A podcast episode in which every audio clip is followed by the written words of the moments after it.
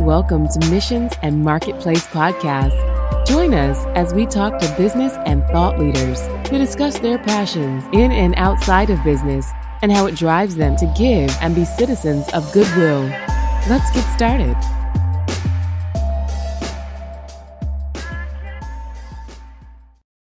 Hey guys, thank you for tuning in to the first episode of Mission and Marketplace Podcast.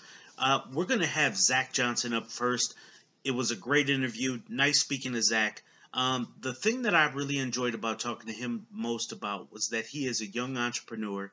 He's out here giving great information. He's written a book that you can buy out on Amazon called Blogging Tips. Um, he has an, a podcast called Rise of the Entrepreneur. Um, the business or the, the the overall business umbrella, if you will, is Money Reign. So just go out online, check him out, Zac Johnson, zacjohnson.com. You'll see all the different things that he's into. But he was a great interview. I really want you to listen to what he says, the wisdom that he has after 18 plus years that he's kind of pouring into this, and kind of explaining just how he started and how he's transforming into just a business brand himself. So this is great for those of you that are starting in blogging and otherwise. Enjoy. Zac, thanks for being on the program here. Hey, Priest, thanks so much for having me here. And I'll just really jump right into it, I guess, and uh, tell everyone about my story. So, while I was in high school, around back in 1995, 1996, started figuring out how to make money on the internet. But I always had that entrepreneur spirit in mind to always be trying to make money. So, even before the internet came around, I was selling sports cards and sodas in school. So, fortunately, the internet came around at a good time and I was able to really figure out how to make a business out of it.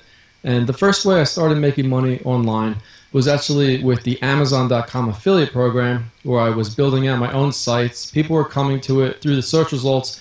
And while I was still in high school, I ended up doing six figures in sales for Amazon. And I knew this was going to be pretty serious. And that really got me into the affiliate marketing world. And in 2000, I actually went to my first conference. Me and my father flew across the country met some amazing people at the Commission Junction University. And that was really opening up the industry and letting me know what the other side was. Because from my point, it was really just running my business out of a corner of room in my parents' house. Hmm. And I was doing pretty much everything. So it really just kept scaling in size over the years. And in 2007, I launched my blog at zacjohnson.com. And it was really based on sharing my story, letting other people know how to do the same, and since then, it's really everything that I do now goes back to that brand that I've created at zacjohnson.com. So I'm no longer just an affiliate marketer who's relying on campaign to campaign to make money, but now everything goes back to my brand. So if an advertiser disappears or if a traffic source dries up, I don't really have to worry about it because as long as I'm around, there's always going to be a business and somebody looking for that information. Wow, that's huge. You've been around for a long time for sure. So, you know, if I read correctly in your bio, it states there that you started with First Pacific Coast Feather, um, which I think they sell pillows and stuff like that, or maybe it's it's since changed. But you know, you kind of you. I mean, you know, it's it's fair to say that you did the Amazon, of course, but then you started in the affiliate program there. How you know how has that changed kind of your idea in making money? I mean, you know, as you were growing up, I think you're in the same era as I was you know, my father worked at kind of a manufacturing place, but here you are making money online relatively early. How did that change, like, your concept of, you know, there are really no walls. You can make money doing almost anything and selling for anybody. Yeah, so my father worked for the government, and it was funny because I'd be working online all night, and he'd go to work in the morning, and then he'd see me there just still typing away and everything. So I got to see him come and go all the time, but I never had a real job, like a nine to five job or anything. So the previous jobs I did actually have before that was like my own little smaller businesses where I would clean people's lawns or just do little simple things around the area. So I never actually had a boss or anything. Yeah. So that was I never actually got to experience the joys of going into a job from nine to five, clocking in, and then having someone boss me around. But at the same time, when you run your own business, the responsibilities are so much more and everybody thinks it's all glitz and glamour, but it's really so much more stressful because when you have a nine to five job, you can go to that job and slack off and not do whatever, totally. but you know that check is going to come at the end of the week. In the world of online marketing and entrepreneurship, if you're not working, that next check isn't going to come. So for us, we might be making six figures one year, and then we could be making ten to twenty thousand the next year, and things can just dramatically switch for the worse or the better, depending on what we're currently working on. And going back to what you were saying about Pacific Coast Pillow Company, it's funny because that was like one of the very first pay per click affiliate marketing programs out there. And you would get one cent for every click that you sent to their website. Yep. And they wouldn't send you a check until you got $100 worth of earnings, which meant you had to send them 10,000 clicks. And I remember I was promoting it on like one of my sports websites or whatever, just because I thought it was the coolest thing. I could send traffic to this site and get money. So I, I think I sent them a few hundred clicks and never got a check or anything. But that was definitely one of the first ways to make money. And it just kind of like, if that way is available, then there must be other ways. And that's how I found out about affiliate marketing and Amazon and a bunch of different other ways. That's amazing. I, I mean, you know, I'm especially impressed because you did a lot of this without kind of the advantages that we now have as internet marketers with Twitter, Facebook, and a lot of other things to send traffic through and kind of supplement some of our efforts. So, you know, what, you know, leading into that, talking about your father and kind of seeing him go to work, and as you're building a brand and the consistency that you have to keep as an entrepreneur, what are just some simple habits that help you become successful? What are some things that maybe you get up every day, you do consistently because that's what ultimately doing it day by day makes you successful. Yeah, so it's always tough to really, when you're running your own business, stay on top of everything that needs to be done. And if you're obviously working on something that you enjoy, it's a lot easier to work on. But at the same time, I don't want to say go after your passion because that's where the money is, because nine times out of 10, that simply isn't the case. People can talk about their passion all they want, whether it's starting a blog or writing content. But if there's no business model there, it's not going to work. So right being able to create a business around what you're actually enjoying and what your expertise is that's one of the best ways to do it and while i've done extremely well with affiliate marketing it can be quite a drag to just be typing in numbers keywords and everything trying to make campaigns work so i much more enjoy teaching other people how to make money online or getting exposure on other websites doing write ups on Forbes or Entrepreneur, whatever it is for other companies and myself. So that's actually become my brand and business today, which I actually enjoy a lot more. And everything, like I said, ties back to the Zac Johnson brand. So it also keeps me on my toes, make sure that I'm out there at all times, saying the right things, because when people read my stuff, it's actually what I put out there. That's good. That kind of leads into, you know, your mission and how does, uh, you know, what kind of work that you do contribute to you know the overall industry. So uh, you know I, I make it a point to kind of say this to each person that I talk to, and it's it's real. The affiliate marketing industry, sometimes the blog world as we know it, uh, gets a lot of bad rap. You know, there's some nefarious things that happen in every industry, but for some reason, some people seem to really have this this one idea about what the affiliate world is like. But you just kind of spoke to it a little bit in terms of the content that you put out there, teaching people how to be not only um, internet entrepreneurs, but, but how to be key entrepreneurs. So talk about that a little bit. When you when you're doing Rise of the Entrepreneur, when you're putting out content, you know your mission in terms of what you're doing. What are you really serving up for people, and what would you really like to see change? How is that helping within the industry? Yeah, so within pretty much like you said, any industry, when people are making a decent amount of money and it's getting attention and it's something that people don't understand, they're always going to think it's some method that really isn't allowed or it's unethical. Yep. And while there is unethical methods to make money online, that's probably a very small percentage of what's going on. Like there, there might be people out there that are putting spyware garbage on people's computer, and then at the same time trying to get them to pay for a, a program that would actually remove it, and that would be considered unethical. But then there's other companies that have legitimate software out there to clean things up, and they're not doing the other thing. So it's more about really spreading the knowledge and putting it out there. And that's something I like to do through my podcast called Rise of the Entrepreneur, where I actually interview people that I've met over the past 20 years. And I don't just talk about what they're working on today. I talk about the past struggles that they've went through, their story, how they got to where they are today. And I don't put any really advertisements on there. I don't have any sponsors. That's really just great content that I'm putting out there because I get to listen to people all the time say that they listen to my show while they're at the gym or driving in the car And I just get emails all the time saying this is great. It's helping me. I just started my first blog. So like just like the blog at zacjohnson.com, that's helped people generate millions of dollars, and it's actually trackable to see that they read my article, signed up to a network, and I would earn a commission by referring them.